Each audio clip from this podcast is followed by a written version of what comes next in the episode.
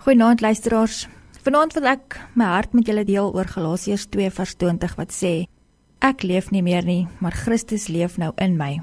Nou ek wil vir jou so stel en jou so konfronteer met die vraag: Hou jy van jouself? Of miskien moet mens dalk so 'n bietjie duideliker sê, is jy beïndruk met jouself? Nou ek so baie lank as ouens hierdie vraag vir my gevra het, maar 'n bietjie huiwerig geantwoord het of dalk skaam gewees het om te erken ek hou nie altyd so baie van myself nie of dalk nog sterker te sê ek is nie altyd so beïndruk met myself nie. Nou as jy soms ook so huiwering het om hierdie vraag positief te beantwoord, as jy nie van jouself hou of as jy nie beïndruk is met jouself nie, dan wil ek dadelik sê jy kyk na die verkeerde prentjie. Waarna kyk ons as ons nie van onsself hou of nie beïndruk is met onsself nie? Ons kyk na die vleesmens met sy behoeftes en sy swakhede en sy tekortkominge en sy sondes en sy beperkings en ek dink so sou mens kon aangaan.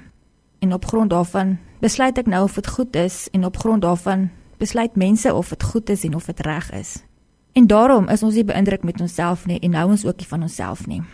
Weet julle wat sê die Bybel? Die Bybel sê ons moet na Christus kyk. Want dit is wat Galasiërs 2 vers 20 bedoel. Ek leef nie meer nie, maar Christus leef in my. So ons moet na Christus kyk en na sy volmaaktheid en sy heiligheid en sy absolute afhanklikheid van die Vader.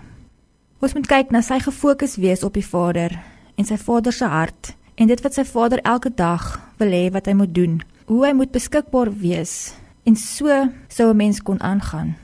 So ons moet na Christus kyk en sy gehoorsaamheid en sy volmaaktheid. Hoe meer ons verbaas is daaroor en 'n verwondering het en 'n opgewondenheid het, hoe meer sê die Here deur sy gees, dit is wie jy is. Dit is hoe ek oor jou dink.